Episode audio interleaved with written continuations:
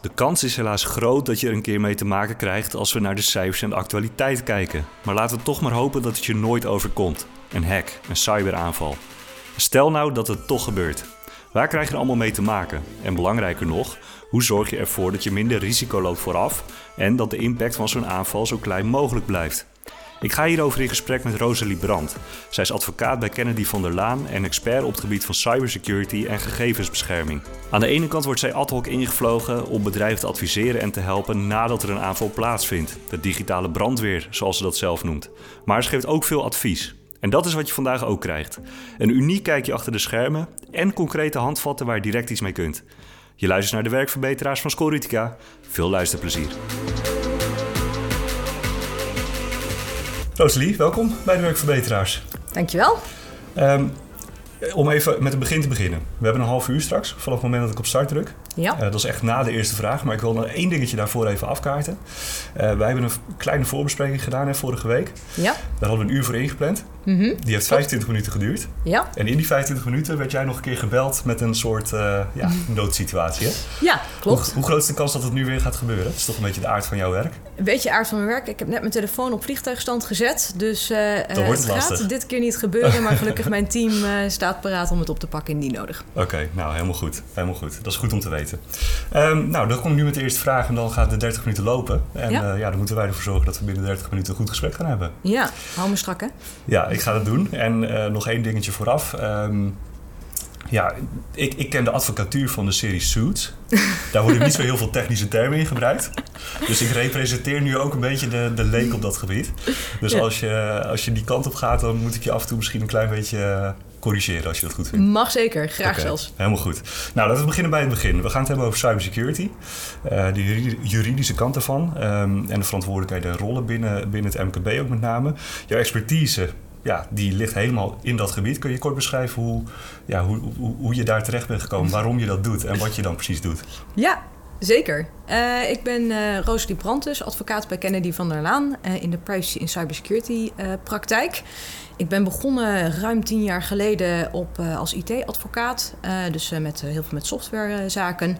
Daar de privacyhoek in gerold. Nou, ik denk dat iedereen nog wel weet, 2018 de nieuwe privacywetgeving. Met de 20 miljoen boete die daarin kwam. Nou, toen werd privacy in één keer een hot topic. Daarvoor had eigenlijk niemand de aandacht voor. En in 2016 al ietsjes eerder, maar met name ook 2018 met die boete... werd ook de eh, meldplicht datalekken heel actueel. Ja, Eh, men moest, eh, als ze een incident hadden of anderszins een datalek hadden veroorzaakt, ja, melding doen bij de autoriteit. En gek genoeg beginnen die altijd plaats op vrijdagmiddag rond een uurtje of vijf. lekker. En waarschijnlijk door slechte planning aan mijn kant was ik altijd als laatste aan het werk binnen het team op vrijdagmiddag. Dus dan komen ze bij mij binnen. Ja. Eh, zodoende ben ik die praktijk eh, ingerold. Ik ben ook stiekem een klein beetje een nerd. Dus eh, ik vind het ook heel leuk om te ondersteunen. Nou ja, en dan gaandeweg raak je daar verder in gespecialiseerd. Nou ja, het zal niemand zijn ontgaan in de afgelopen jaren dat cybersecurity nogal een actuele onderwerp is geworden. Jij moet het razend druk hebben. Ik heb het redelijk druk, ja. Ja. ja. ja, maar dat, daar geniet ik van, dus dat is goed. Ja, Uh, dus zodoende, uh, ja, dan, uh, dan raak je daarin gespecialiseerd. En dat is eigenlijk nu mijn hele praktijk die ik doe. Ondersteunen bij cyberincidenten, maar ook bedrijven helpen om zich voor te bereiden op. en dan hebben we het nou ja, over de technische kant ondersteunen natuurlijk de IT'ers. maar wij kijken vanuit de organisatorische kant, de juridische kant. Wat moet je op orde hebben om, om goed een, een incident te adresseren? ja. En ook breder met privacywetgeving met name. wat moet je op orde hebben om te voldoen aan de wet? Nou, mooie, mooie samenvatting. Ja. Um, die, je beschrijft het zelf al een beetje. Jouw rol is eh, tweeledig. Tijdens onze kennismaking werd jou al gebeld. Dus het is aan de ene kant ook heel erg dat jij echt uh, ja, uh, via een noodnummer gaf je aan. Uh, ja. Soms wordt opgeroepen wat dat betreft. Een soort, soort brandweer die, die uitrukt. Ja. Um, aan de andere kant adviseer je ook. Hoe, hoe is die verhouding? Um, nou, sowieso doe ik het natuurlijk niet alleen, maar een team uh, bij Kennedy van der Laan die dat doet. Ja. Uh, mijn specialisatie zit echt in de, in de digitale brandweer. Uh, en dat vind ik ook stiekem het leukst. Noemen jullie dat ook zo? het is wel een term die in cybersecurity veel gebruikt wordt, met okay. name voor de IT-kant. maar met dat we nou ja, met cybersecurity bedrijven steeds meer optrekken en dat ook het proces steeds meer integreren met elkaar. Ja, in effect doen wij dat dus ook. zijn wij ook onderdeel van die digitale brandweer, van de toolkit die uitrukt op het moment dat er een incident plaatsvindt. Ja. Uh, dus dat vind ik ook heel erg leuk. Uh, maar de voorbereidingskant is heel belangrijk. We zien vaak dat er wel, ja, we noemen dat compliance trajecten. Dus uh, programma's worden opgestart binnen ondernemingen om te voldoen aan wetgeving. Ja, en dan is cybersecurity toch vaak een ondergeschoven kindje.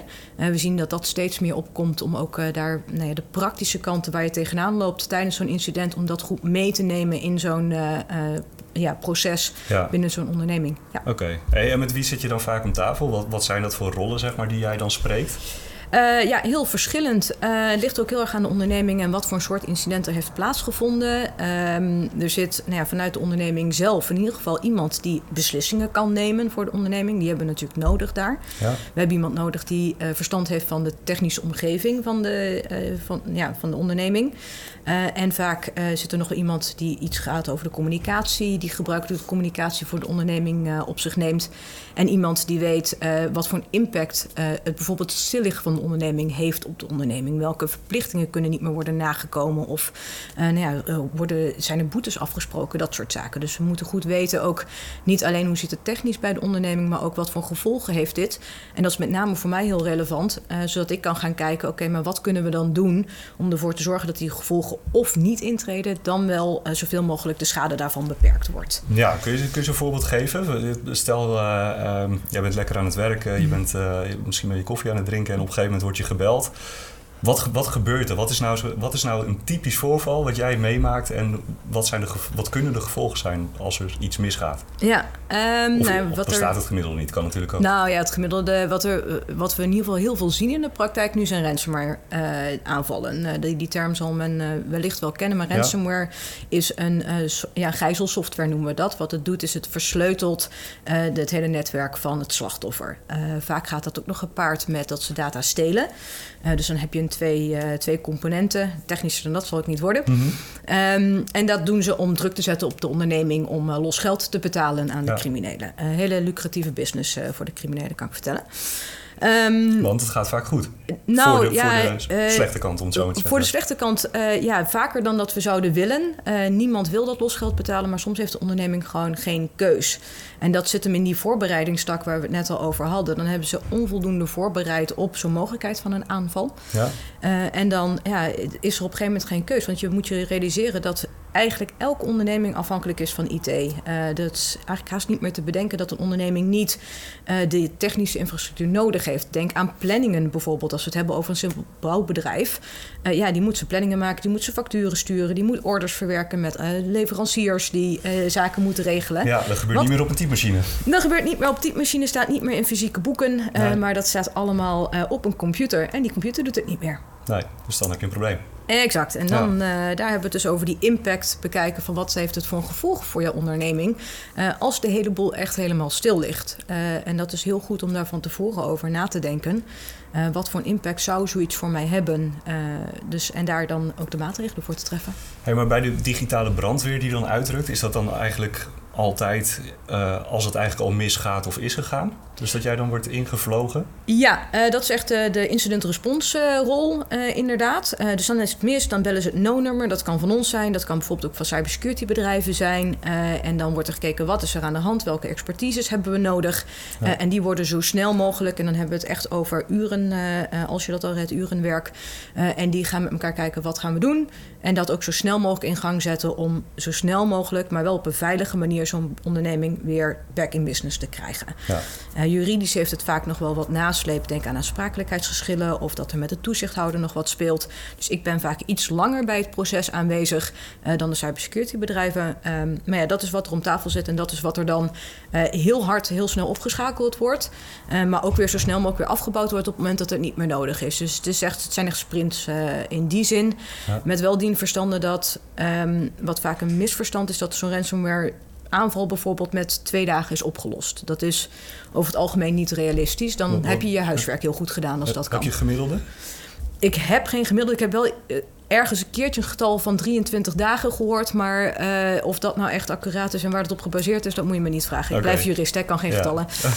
um, ja, dus maar die, die voorbereiding, dat, uh, dat zien we wel in de praktijk. Als je daar daar je huiswerk goed gedaan hebt, dat scheelt enorm veel. Het garandeert niet dat je geen slachtoffer wordt, maar het, de impact vermindert enorm ja. daardoor. Ja. Ja, en dat kan me dan voorstellen, maar daar gaan we zo meteen nog even wat dieper, over, dieper op in. Ehm, dat je dan ook minder gedoe hebt over wie krijgt de schuld. Jij noemt dat natuurlijk heel mooi aansprakelijkheid en dat ja, maar... Ja, ja, nou ja, aansprakelijkheid en dan duiken we wel echt het juridische in. is nou ja, echt een juridisch concept. Um, wat we heel vaak zien uh, is dat bedrijven zeggen... ja, je had een uh, incident en daarmee betekent dus dat je de boel niet op orde had... Ja. en dus dat je aansprakelijk bent voor de gevolgen. Ja, dat is echt te kort door de bocht. Daar zitten echt nog wel meer stappen uh, tussen. ik snap heel goed de gedachtegang, maar het is niet per se waar. Het kan echt iets zijn waar de onderneming helemaal niks aan kon doen, waardoor de aanval is ontstaan. Ja, en dan de gevolgen uh, konden ze vaak ook niet zo heel veel aan doen. Dus dat is nog wel echt een juridische discussie die je dan moet gaan voeren. Ja. Um, dus ja, dat is niet per se een kwestie van schuld. Als je het zo, als je het zo beschrijft, dan, dan mij haast een beetje een machteloos gevoel. dat, dat, je, dat je eigenlijk er ook niet altijd wat aan kunt doen. Nee, dat, dat klopt. Je kunt er inderdaad niet altijd wat aan doen. Kijk, personen klikken op een phishing link. Ja, dat, uh, ze zijn vaak heel goed uh, in, uh, in phishingberichten sturen. Ja. En een ieder kan daar ja, intrappen. En dat is niet omdat mensen dom zijn of niet opletten of wat dan ook. Soms natuurlijk wel, maar in heel veel gevallen is het echt per ongeluk. En ook begrijpelijk als je dan het bericht zou zien dat je denkt... ja, dat, dat zou ik ook op geklikt hebben. Het ziet ja. er heel legitiem uit, ja. Dat is natuurlijk de business ja. van zo'n crimineel. Ja, precies. Hey, um, jij was uh, vorig jaar in juni te gast bij het Nationale Cybersecurity uh, debat. Ja, klopt. Uh, dat heb ik, ik heb natuurlijk even een klein interviewtje achteraf met jou gekeken. Ja. En toen zei je dat de bewustwording op het gebied van cybersecurity steeds beter wordt, maar dat het ook nog wel een ondergeschoven kindje is. Nou, ja. ik hoorde je het net ook zeggen. ik heb even wat actualiteit erbij gehaald. over het afgelopen jaar was er bij één cybersecurity bedrijf 11.000 meldingen op het gebied van cybersecurity. Um, en ja. met name het MKB uh, is kwetsbaar. En één op de vijf bedrijven loopt risico. Nou, dan gooien we zo even wat, wat cijfers op tafel. Ja. Um, hoe zit het ermee nu? Nou, bijna, ik denk anderhalf jaar na het, het nationale cybersecurity debat. Hoe staan we ervoor met de, de awareness? Ja, um, eigenlijk nog steeds wel ongeveer hetzelfde. Uh, okay. zou ik zeggen. Uh, je ziet wel dat het, nou ja, het is natuurlijk veel in het nieuws. Men heeft het er wel over. Uh, maar waar je ziet is dat bedrijven gewoon niet altijd weten wat ze er precies mee moeten. en daar is men ook nog wel heel erg zoekende in om dat te organiseren. Het heeft gewoon niet altijd de hoogste prioriteit. Het kost natuurlijk geld, dat vindt men vervelend. En je ziet het niet direct terug in de business. Ja, totdat je dus helemaal plat ligt, dan zie je ook dat de budgetten in één keer een stuk hoger worden na een ja. aanval. En dat men wel de maatregelen gaat treffen. Maar ja, dat is ja, de, de, de put dempen nadat het kalf verdronken is. Um, al is het natuurlijk nog steeds wel goed om te doen, zodat je niet nog een keertje een kalf laat verdrinken in die put. Ja, want dat, dat zie je ook vaker terugkomen. Hè? Het, het blijft niet altijd bij één aanval, je bent daarna klaar. Nee, nee, het is, kijk, uh, wat veel, uh, zeker in het MKB, MKB, wat ik daar vaak hoor, is ja, maar ik ben niet interessant voor zo'n cybercrimineel, want ik heb geen data die interessant is. En wat je moet realiseren is dat het heel vaak niet te doen is om bepaalde data die jij hebt. Het is gewoon net zoals een uh, fietsendief, die gaat gewoon kijken welke fiets staat het slechtst op slot. Ja. En ja, als dat op Centraal Station is, die weet niet van wie die fiets is, maakt hem ook helemaal niks uit. Hij wil gewoon die fiets hebben. En die wil die, nou ja, daarna in dit geval vaak doorverkopen aan een junk. In ons cybergeval is het uh, losgeld krijgen van de onderneming. Nou ja, uh, en dan gaat u dus eerst kijken, kom ik binnen? En dat, kan, dat heeft vaak helemaal niks met de aard van de onderneming te maken. Maar is gewoon gefocust op wat, waar zie ik een kwetsbaarheid. Is dat uh, een, een e-mailadres wat ik gevonden heb op internet waar ik een phishing link heen kan sturen? Is dat een bekende kwetsbaarheid in een bepaalde software uh, die misbruikt kan worden? Uh, of ja, dat soort makkelijke open deuren wordt gewoon voor gescand. En nou ja, ja. dan vinden ze een deurtje, dan komen ze binnen en dan gaan ze dan onderzoek doen van wat heb ik eigenlijk te pakken. Uh, en daar wordt uh, bijvoorbeeld het losgeldsom uh, op aangepast aan het soort van onderneming. Ja, nu hebben wij het eerder wel eens in deze podcast gehad over, nou niet wij, maar met, met, met, de, met, onze cybersecurity specialist. Die, ja. die zei dat, die haalde het item van Nieuwsuur aan. Ik weet niet of je dat toevallig hebt gezien een tijdje terug. over de ransomware kill chain. Dus dan zie je ja. echt dat het gewoon, het zijn gewoon professionele bedrijven die dat doen. Absoluut. met ja. volgens mij HR-afdelingen zelfs. Dat klopt, ja, dat hebben we geleerd van de Conti Leaks, zoals we die noemen. Dus Conti was een, een grote Russische en deels Oekraïense uh, ja, ja, familie, ransomware-familie noemen ze dat vaak. En die was heel erg actief, um, maar is uit elkaar gevallen, onder andere door de oorlog in Oekraïne. Ja. Daar is toen, nou ja, intern ja, ruzie ontstaan eigenlijk. En toen hebben ze heel veel informatie over hoe zo'n groepering werkt online gegooid. Uh, en daar is dus ook heel veel informatie uit boven gekomen, voor zover dat al niet bekend was. Met name bij de cybersecurity bedrijven. Maar het, nou ja, het was een, een beetje een soap-serie, uh, moet ik zeggen. Okay. Ja, en daar zie je dus inderdaad, nou, in ieder geval de bevestiging, voor zover dat nog niet uh, aan de orde was. Uh, dat er dus, ja, het is heel professioneel. Dus het is niet meer de 17-jarige op de zolderkamer, of dan over het algemeen niet. Het zijn uh, echt uh, georganiseerde, ja, eigenlijk bedrijfsmatige processen. waarbij ieder ook zijn eigen rol heeft. Dus één Eén uh, stuk is ge, gespecialiseerd in het binnendringen van een netwerk. De volgende is heeft de, de ransomware software gebouwd, uh, die dan uitgerold wordt. Die wordt nou, haast gelicentieerd, zou ik willen zeggen. Um, en dan de volgende die gaat de onderhandelingen doen. Uh, er was een stuk in het AD ook over een dame die heel vaak terugkomt bij dit soort onderhandelingen, Melissa. Ja. Um, dus dat is ook een. nou heel interessant om te zien, die professionaliseringsslag die daarin gemaakt is. Nou ja, en dat maakt dus ook dat dit soort uh, aanvallen heel effectief zijn. Helaas. Helaas. Ja, helaas. Maar ja. is, is dit, zijn dit dan ook de organisaties, die, die hele professionele organisaties, die dan ja, uh, het gewone MKB aanvallen? Dus de, de bedrijven met uh, 20 tot 50 tot 100 man? Kan, ja. Zoals ik al zei, ze kijken niet naar, ze gaan niet op internet kijken van dit bedrijf vind ik interessant om aan te vallen. En dat is een hele andere tak van sport die er natuurlijk ook is. Maar uh, als we het over de ja, dan zou ik haast willen zeggen, commerciële uh, cybersecurity of cyberaanvallen uh, wil noemen, dan gaat het echt om waar kan ik binnenkomen en wat kan ik, waar kan ik daar dan bij? Ja. En dat kan bijvoorbeeld ook zijn dat je bij een bedrijf binnenkomt binnen MKB, maar die maakt gebruik van een IT-leverancier. En als je dan via die klant zeg maar door kunt stoten naar die IT-leverancier, ja, dat is dan heel interessant. Ja, daar zit ehm, nog veel meer achter. Daar zit nog veel. Ja. En dan zijn al die andere klanten. En zo zie je ook dat dat als een, dat zie je ook vaak bij veel incidenten die in het nieuws komen, dat er heel veel uh, klanten, vaak ook van een bepaalde sector getroffen zijn. Uh, wat daarachter kan zitten, is dat de IT-leverancier getroffen was, die gewoon dienst verleent aan die sector. Ja, ja uh, de tandartsen was een tijd terug uh, dat heel veel tandartsenpraktijken stil lagen, omdat één bepaalde leverancier geraakt was. Ja, dat heeft dan een soort olievlek-effect over verschillende ondernemingen. Ja, hebben ze toch een gaatje gevonden. Toch gaatje Sorry. gevonden. Sorry, hij, hij lag voor het oprapen. Ja, die kun je hey, niet missen. Um, ik, ik las in datzelfde artikel dat de gemiddelde kost van een hack op 270.000 euro liggen. Dat is ja. dan verspreid over het hele ja. MKB, neem ik aan. Dat uh, zou ik je niet kunnen vertellen wat de kosten uh, zijn. Uh, dan heb je weer over die getalletjes waar ik als jurist niet ja, over ga. Okay. Maar de, de rekensom lijkt wel vrij simpel, toch? Als je dat, als je dat voorbij ziet komen.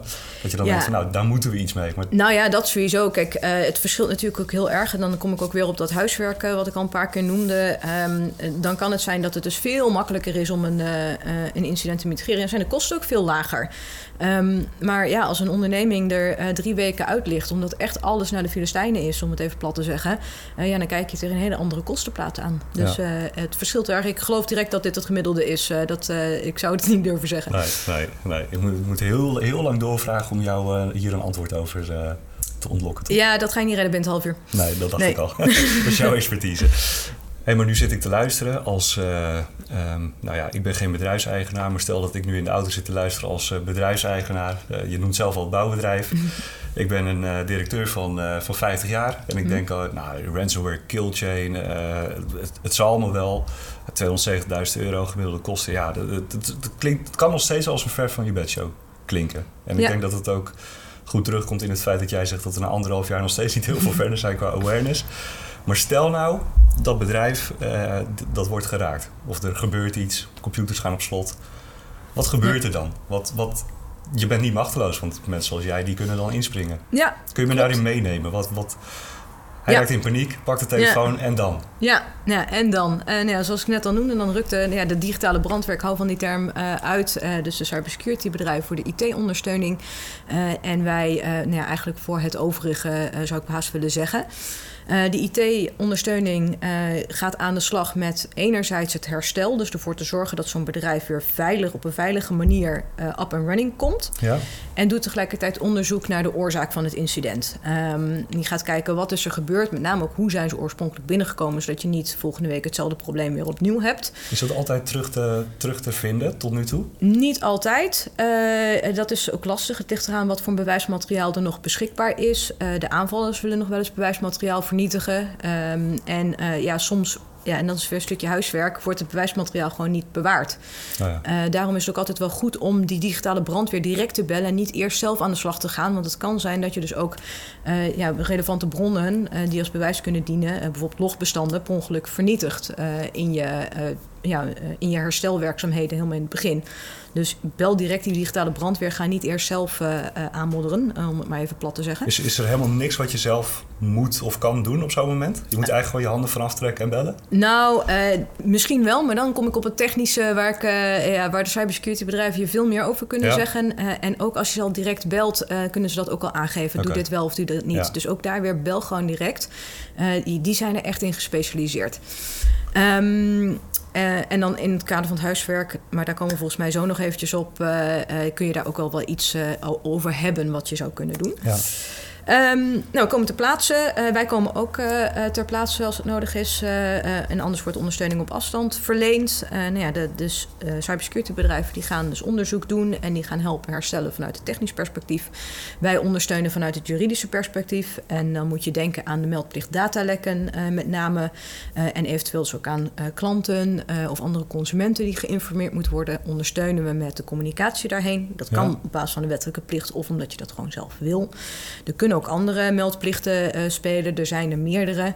Uh, dus daar kijken we ook naar. Spelen die? Misschien heb, heeft een internationaal karakter toch uh, aan de orde. Nou ja, dan kijken we daar ook naar en kunnen we eventueel met een internationaal netwerk schakelen. Nou, dus stel we pakken dat bouwbedrijf. Dat, wat, wat moet, waar, waar moet hij dan aan melden dat er iets is gebeurd of dat er iets aan de hand is? Nou ja, bij een bouwbedrijf zal het in de regel zijn dat bijvoorbeeld personeelsdossiers allemaal op slot zitten. Ja, dat zijn persoonsgegevens. Dan ja. moet hij dus naar de autoriteit persoonsgegevens. maar bijvoorbeeld voor de vitale sector, als je daaronder valt, dan moet je ook uh, onder de uh, WBN niet melden. Dus dan moet je naar het NCSC uh, bellen, Nationaal Cybersecurity Center. Ja, dat weten veel partijen niet. Met name IT-leveranciers kan dat nog wel eens tricky zijn, want die vallen daar, kunnen daaronder vallen als ze bepaalde grootte bereiken. Dus ja. en dat staat vaak niet scherp op het netvlies dat ze daar wat mee moeten. en ja, dat kun je beter even van tevoren uitzoeken dan in de hectiek van zo'n incident. Dus ja. dat ook een stukje voorbereiding. Kijk daar gewoon even naar. als je het gedaan hebt, dan weet je het ook. En dan kun je dat gelijk meenemen. Hoef je dat niet op dat moment nog weer uit te zoeken. Dus maar alsnog is dat wel iets waar jij dan... Wij kijken er wel je naar. Neemt, je neemt ze er wel in mee. We nemen ze erin mee. Ja. Maar het liefst hebben we uh, al uh, het antwoord gelijk klaar. Uh, ja. Dat scheelt gewoon weer een stukje in, in de hectiek van dat moment. Ja. Uh, dus daar kijken we naar. We helpen met de communicatie. Uh, ja, dat is vaak, blijft dat niet beperkt tot één briefje, maar ja, moet je mensen op de hoogte houden van het incident. Dus we blijven daarbij meekijken, helpen met het beantwoorden van vragen. Welke mensen moet je dan op de hoogte houden? Uh, verschilt per bedrijf. het kan zijn dat je wettelijk verplicht bent om communi te communiceren, bijvoorbeeld op basis van de meldplicht aan de betrokkenen noemen we dat. Dus de natuurlijke personen van wie jij data verwerkt. Dat kan personeel zijn bijvoorbeeld in het bouwbedrijf. Ja. of als jij diensten levert aan consumenten, kan het zijn dat je de consumenten geïnformeerd moet houden. Het kan ook zijn dat je dat contractueel hebt afgesproken. Uh, als jij, uh, zeker de, als we dan weer naar IT-leveranciers kijken, die uh, treden vaak op en dan heeft technisch term als verwerker. Dus zij verwerken data ten behoeve van een andere partij. En dan moet er in je contract staan dat je gaat communiceren op het moment dat er een incident is. Nou ja, daar helpen we dan ook bij om dat op een correcte manier binnen de afgesproken deadlines te doen. Ja. En ook die updates te blijven versturen. En ook wat je dan vertelt wat je vertelt. Uh, okay. Inderdaad, uh, daar moet je goed over nadenken. We werken wel dat transparantie uh, toch het beste werkt. maar ja, je moet wel zeker weten dat je het juiste communiceert. dat je daar niet later weer op terug moet komen. Of als je erop terug moet komen, dat dat dan niet een compleet omgekeerd verhaal is. Oké, okay, dus, dus transparantie werkt beter. Dus niet een soort vaag verhaal nee. over er is iets aan de hand. Nee, we hebben niet. ik heb een storing. Nee, nee, dat is. we zien het wel in de praktijk dat bedrijven het doen. Ja, het is een keuze. Um, maar ja, als je daarna dan toch uh, het volledige verhaal uit de doeken moet doen, om wat voor reden dan ook, ja, dan, dan zie je dat dat het vertrouwen schaadt in die, uh, in die relatie. En ja. dat helpt niet. Nee, helemaal uh, voor de afwikkeling daarna. Voor de afwikkeling daarna, maar ook voor, ja, je moet daarna weer met elkaar verder. als dan zo'n vertrouwensbreuk optreedt, omdat jij daar niet ja, heel gesloten over gecommuniceerd hebt, merken we dat dat gewoon heel slecht werkt. Ja. Um, dus ook vanuit je eigen commerciële perspectief is het ook gewoon niet zo handig. Um, aan de andere kant, je kunt natuurlijk niet niet alles zeggen. Uh, dat ook als dingen nog niet zeker zijn. Uh, of sommige vragen, ja, dan is het van ja, wanneer zijn die weer up and running? Ja, dat is een vraag die gewoon niet beantwoord kan worden, omdat er heel veel obstakels kunnen zijn in het kader van het herstel. Ja, daar kan gewoon geen uitspraak over gedaan worden. Dat is voor alle partijen heel frustrerend, maar uh, ja, dat is, dat is ja. dan zo. Ja, en dit is, dit is dan eigenlijk een beetje de, misschien de eerste uren? De eerste, de eerste uren, of uren? Uh, ja, soms nog wel de eerste dagen. Uh, ja. Het ligt er een beetje aan hoe heftig het incident is. Um, en dan, ja, het is, we zeggen vaak het is geen sprint, maar een marathon. Je bent er echt wel eventjes mee bezig. Het is niet dat het met, althans als je geluk hebt, is met twee dagen. Maar over het algemeen ben je niet met twee dagen klaar. Dus je moet ook goed op jezelf passen. Er is een heel interessant onderzoek gedaan recentelijk over de emotionele impact van bijvoorbeeld ransomware aanvallen. En daar zien we ook dat mensen echt nou ja, slapeloze nachten, gezondheidsproblemen en tot ver na het incident ook nog daar last van kunnen houden. Dus ook daar helpen we in om daar te ontlasten.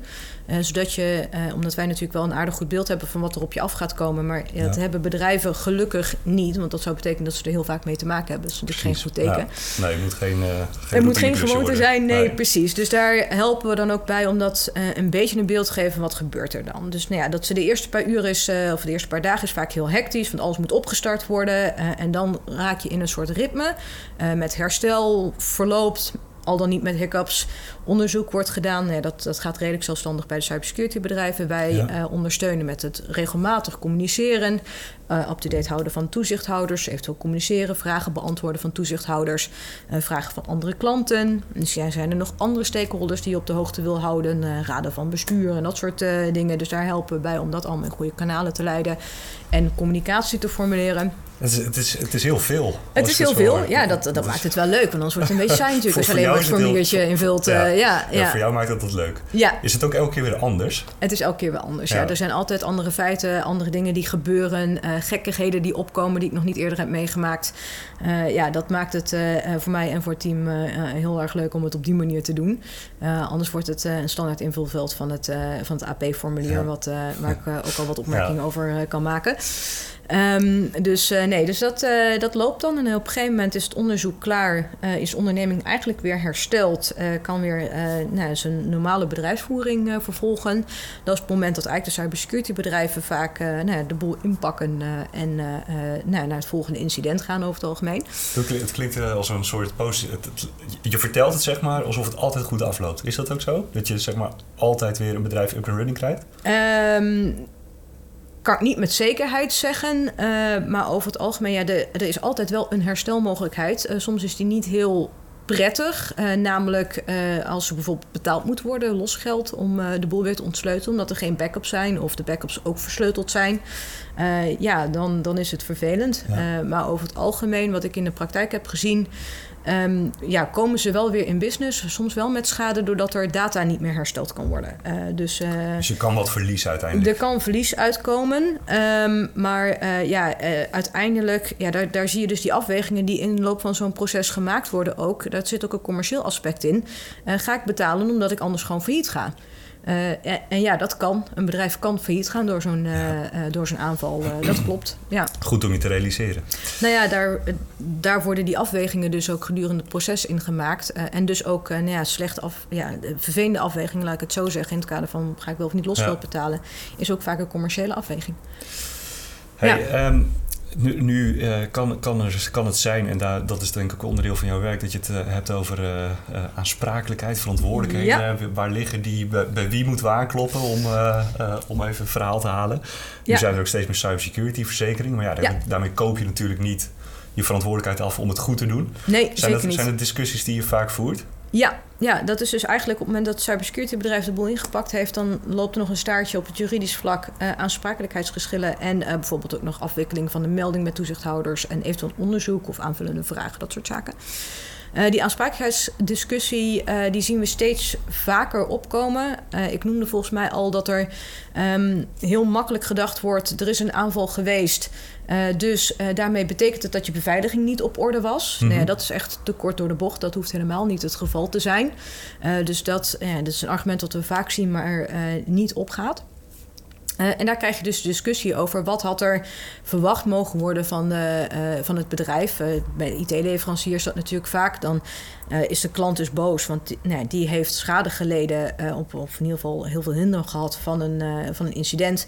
Ja. En die zegt een IT-leverancier, je, hebt het, je had het niet goed op orde, want je bent geraakt door een incident. En dus betekent dat de beveiliging niet goed was. Ja, daar ontstaat dan de discussie over wat mag er verwacht worden van zo'n IT-leverancier. en, en wat had de klant zelf ook moeten doen, of in ieder geval actief achteraan moeten gaan.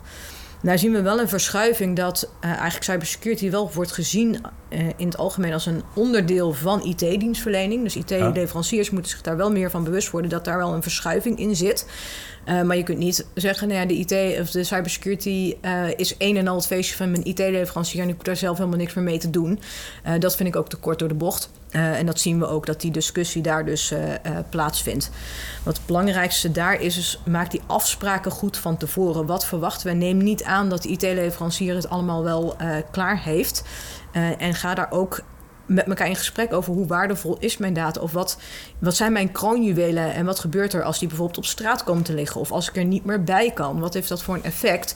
Zodat de IT-leverancier ook mee kan denken met wat voor een maatregelen moeten er getroffen worden daar. Ja, en als je het hebt over kroonjuwelen, dan is dat de nou belangrijke data? De belangrijke data of belangrijke bedrijfsprocessen. Ah, uh, dus het kan zijn dat jij op hele gevoelige informatie zit, of van, hele, van personen waar dat heel gevoelig is, als dat bijvoorbeeld op straat komt. Maar het kan ook de planning zijn, dat als je zegt: ja, leuk, ik ben bouwbedrijf, maar als ik mijn planning niet meer heb, dan kan ik helemaal niks. Uh, dus dat, dat moet ik heel veilig stellen. Ja. En dan de rest, ja, dat, dat kan dan misschien met wat minder.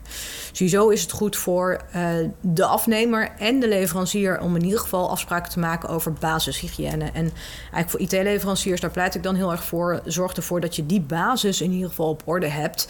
Uh, dat je nou ja, dat ook eist van al je klanten. Want anders dan één klant kan de zwakste schakel in het geheel zijn. Ik noem dan de, de ene die dan op de phishing klikt, die zo bij de IT-leverancier naar binnen komt. Ja. Uh, ja, en dan heeft de rest daar ook allemaal last van. Ja, en met de basis bedoel je dan de techniek? De techniek, ja. En dan uh, heb ik het met name over wat ik veel zie in de praktijk, is uh, dat je je backups op orde moet hebben. En dat ook volgens een bepaald schema. En dan wordt het weer te technisch, dus dat moet je vooral, uh, ga ik niet doen hier. Nou ja, met, met backups ben ik er nog bij. Dus, ja, backups ben je nog bij. Maar ja. ook zorg ervoor dat die backup, dat je voldoende backups hebt, maar dat de backup ook buiten de omgeving staat. Want anders, je kunt wel backuppen, maar als de hele omgeving plat ligt en de backup zit in de omgeving, dan is de backup dus ook versleuteld. Dan heb je er helemaal niks aan. Nee. Um, oefen ook een keer met het terugzetten van zo'n backup. Want dat is, begrijp ik van de techneuten, lang niet altijd even makkelijk.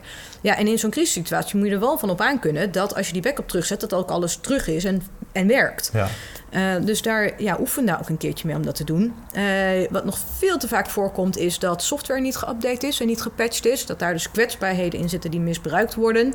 Uh, ja, dat is, zou eigenlijk niet meer mogen nu. Zorg ervoor dat je software bij is. Um, en wachtwoordbeleid.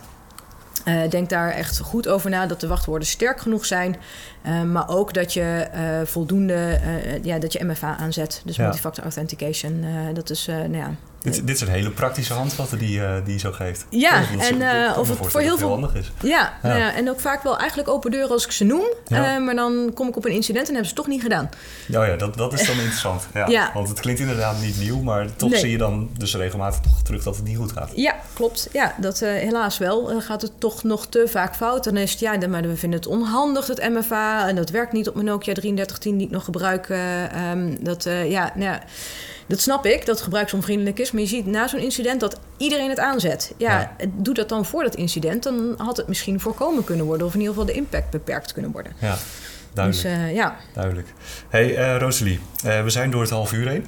Okay. Ik heb expres de wekker niet vervelend laten afgaan. Want je was net in een hele duidelijke, uh, in een, een, heel duidelijk advies uh, was je aan het brengen. Ja.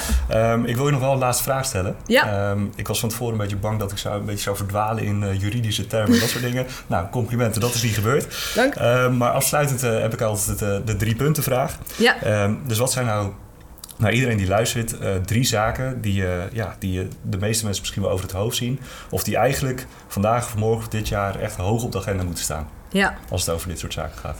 Uh, de eerste, ja, dan herhaal ik er maar eventjes. Uh, die drie punten die ik net noemde. Uh, ja. Dus zorg voor je basishygiëne, backups. zorg dat je software up-to-date is. En zorg voor een sterk wachtwoord met MFA. Mm -hmm. je basishygiëne dus. zorg dat je weet wat je moet doen op het moment dat er een incident is. Dus wat zijn je kroonjuwelen en wat moet ik ervoor doen om te zorgen dat die beschermd zijn? En wat voor verplichtingen heb ik mocht er het misgaan? Wat ik vaak zie, is dat men gewoon niet weet wat ze moeten doen. Zorg ervoor dat je die uh, basis. Uh, ja, ik bel het nummer. Wat gebeurt er dan? Dat je dat weet wat er moet gebeuren en wat je verplichtingen daaromheen zijn. Dus heb een incident response plan um, en oefen dat ook een keer. Het is, Net zoals de, de brandoefening. de brandoefening, ja, exact. terug bij de brandweer. Exact. Ja. En nou ja, je zult zien, met een brandoefening loopt vaak ook nog mensen weer terug of de verkeerde kant op. Dat gebeurt bij dit soort oefeningen ook. Dat men het eigenlijk toch niet weet. En het is best spannend om zo'n noodnummer te bellen. Dus doe het dan een keer in een veilige setting. Je hoeft niet je hele onderneming een dag plat te leggen. Dat is echt niet nodig. Ga een keer met elkaar om tafel zitten en doorloop het een keertje. Pak je cybersecurity bedrijf erbij, wat je dan inschakelt. Het noodnummer bijvoorbeeld met de advocaat erbij. Uh, of via je verzekeraar. Maar jij staat er ook voor open om dan in zo'n soort testrun daar... Absoluut, ja. ja, okay. ja, ja dat doen we in het kader van die voorbereiding die we aan het begin uh, van het gesprek ja. noemden. Dat is een van de dingen waar we mee helpen, simulatie. En dan nemen we op alsof dat het een echt incident is. Ja. Uh, en oh, dan uh, draaien we dat mee. En dan kun je dat een keertje oefenen. En als je dat weet hoe dat moet, gaat het de volgende keer ook makkelijker. En nou ja, om terug te komen op het Nationaal Cybersecurity debat, noemde ik het volgens mij ook al. voorkomt dat je als een kip zonder kop rondloopt. ja. het, het scheelt kostbare tijd. Ja. Dus het is te hopen dat het nooit gebeurt, maar je bent dan in ieder geval goed voorbereid. Exact. Ja, ja. En het, het, beperkt je schade uiteindelijk. Dus het, is, uh, uh, ja, het is even een investering vooraf, maar je hebt er achteraf heel veel profijt van. Ja, duidelijk. Wil je nog iets kwijt? Dat je zegt van nou, dit, dit moet ik nog kwijt aan. Uh, nee, ja, ik hoop uh, heel erg dat die awareness uh, toch wat omhoog gaat. En dat ja. we deze basis toch op orde hebben. Ik vind mijn werk ontzettend leuk. Maar ik hoop toch meer dat ik meer naar de preventieve kant ja. kan uiteindelijk. Precies. En minder de brandweer hoeft te zijn. Okay. en met mij denk ik ook heel veel mensen die hetzelfde doen als wat ik doe. Met mijn team in ieder geval. Klinkt goed. Um, ik ga even, ik denk een link van jouw profiel op de Kennedy van der Laan website even in de podcast notes doen. Dus als ja, mensen meer goed. over jou willen weten ja, en over absoluut. wat jij doet, dan is dat denk ik een goede. Ja. Um, en dan wil ik jou heel erg bedanken, want ik denk dat dit uh, ja, een hele praktische podcast is geworden op deze manier. Dankjewel dat ik mocht komen en vertellen. Ja, nou, tot de volgende keer misschien. Yes, absoluut.